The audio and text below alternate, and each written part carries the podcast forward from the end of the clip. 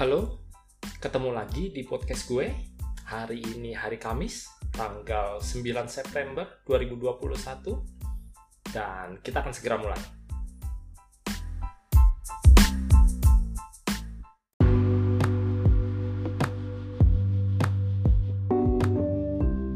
Sejak muda, Steve sering ngaca. Ngaca di depan kaca. Dia sering merenung dan satu hal yang dia secara konstan terus renungi, gak henti-henti, itu adalah kalau hari ini adalah hari terakhir gue hidup, kira-kira gue bakal mau nggak ngelakuin apa yang harusnya gue lakuin hari ini? Dan dari berkali-kali dia merenung, dari muda dulu, jawabannya hampir selalu no. Enggak. Ya, dan selama beberapa waktu terakhir dia kerja di Atari, jawaban tidak itu munculnya semakin sering. Pada momen itu dia berpikir, gua harus ngelakuin sesuatu. Satu pagi dia ke kantor, dia sudah membulatkan tekadnya. Gua akan ngomong sama bos gua. Sampai di kantor dia bilang, "Bos, gua resign ya. Gua mau pergi bertualang." Dan gue mau cari tahu siapa gue sebenarnya dan apa tujuan hidup gue. Bosnya nyaut, hah? Dan Steve pun pergi. Di kepalanya hanya ada satu hal. Gue akan ngejalanin setiap hari sisa hidup gue seakan itu adalah hari terakhir gue hidup. Dan gue yakin suatu saat gue akan nemuin tujuan hidup gue. Nah, singkat cerita, dalam hitungan hari, Steve sampai di India. Dia ke sana sama temennya, namanya Dan. Di India itu dia benar-benar nyantai. Hidup di satu kota yang dia suka, masih demen ya diterusin tinggal di situ. Bosen dia pindah kota, gitu terus. Ya.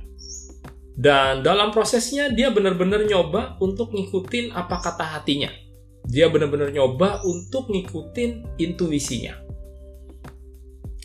Dia belajar apa itu simplicity. Dan dia juga banyak baca buku autobiografi. Selain buku populer lainnya ya tentunya ya. Steve pun belajar bagaimana menenangkan pikiran dan menghilangkan gangguan yang muncul dari lingkungan sekitar. Dia juga menjadi seorang yogi, dia belajar yoga ya. Dia banyak merenung ini gue lahir ke bumi ini buat apa sih?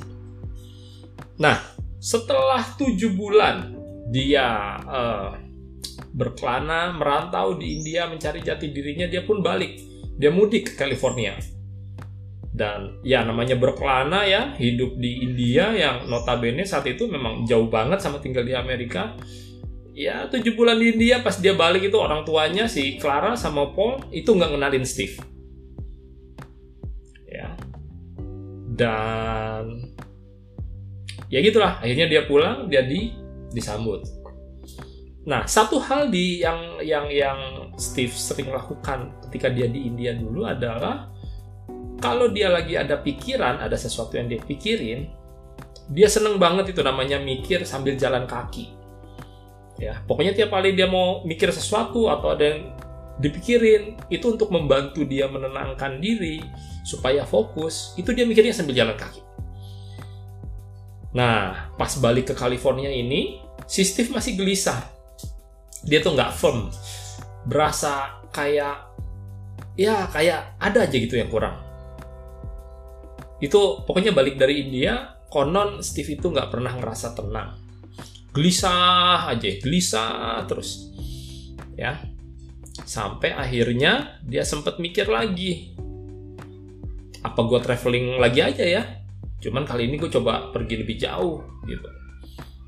Dan kali ini dia pun membulatkan tekadnya untuk mencari Zen. Ada yang tahu Zen? Apa itu Zen? Kalau ada yang tahu atau ada yang nggak tahu, komen aja ya atau kirim message. Dan ketika tekadnya itu sudah bulat, ya ketika tekadnya sudah bulat itu nggak ditanya-tanya Steve ketemu apa ya ya jadi ada satu pepatah Zen yang mengatakan if you are willing to travel around the world to meet a teacher, to find a teacher, one will appear next door. Intinya kalau lu mau repot, jalan, pergi, berkelana untuk belajar, untuk cari guru, maka niscaya seorang guru akan muncul di hadapan lo. Nah, itu pula yang terjadi sama Steve. Belum sempat dia jalan, belum sempat dia berangkat, dia ketemu sama seorang Zen Master lokal yang tinggal di Santa Clara, di lingkungannya dia. Ya, dia ketemu itu Zen Master di salah satu kompleks ruko lah di Santa Clara. Gue nggak tahu ruko itu apa kalau di Amerika. Ya, namanya Kobun Otogawa. Ya, Kobun Otogawa itu seorang biksu, seorang Zen Master. Dia kelahiran dari Niigata, Jepang, dan dia pergi ke, ke San Francisco itu buat ngajar Zen. Nah, intinya singkat cerita, ah, daripada gue jauh-jauh kan, di sini ada Zen Master, gue samperin aja dulu lah. Terus dia nanya lah itu, si Steve Jobs sama Otogawa Sensei. Master, Sensei, ini gue perlu merantau lagi apa enggak ya? Gue apa perlu merantau apa gue lanjutin aja nih kerja di industri teknologi? Gue bingung nih master. Dan Otogawa pun menjawab nope gak perlu. Tetap aja di teknologi wahai anak muda. Tentunya dengan logat Jepang ya bukan logat Betawi. Ya intinya tetap aja di teknologi. Gak gak usah merantau. Nah Nih loncat dikit nih. Ngomongin soal Steve Jobs dan Zen, ini ada satu hal yang menarik yang disampaikan sama Walter Isaacson.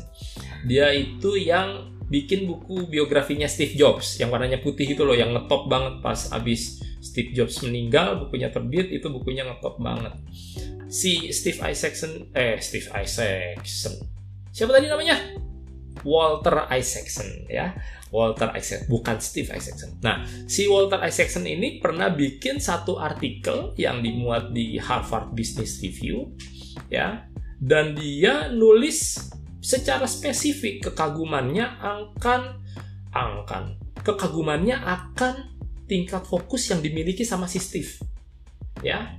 Dan satu elemen pertama dari kualitas kepemimpinan Steve Jobs yang dibahas sama si Isaacson itu adalah fokusnya yang sangat tajam.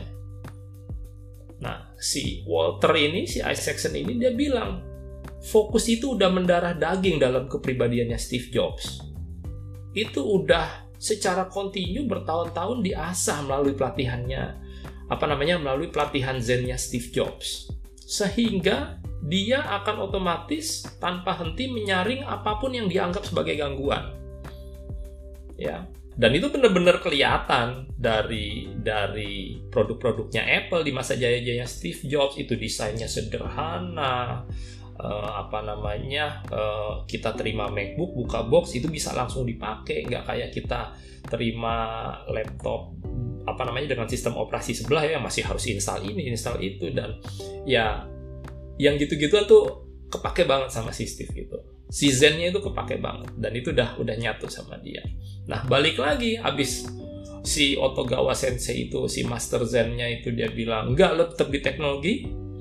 Akhirnya ya uh, Steve pun menuruti nasihat dari gurunya itu si dari si Otogawa Sensei. Dan sambil meneguhkan cita-citanya untuk membangun bisnisnya sendiri Steve Jobs pun balik lagi dia kerja di Atari. Sampai kapan? Sampai ada lanjutan ceritanya minggu depan. Eh, nggak minggu depan, besok deh atau lusa.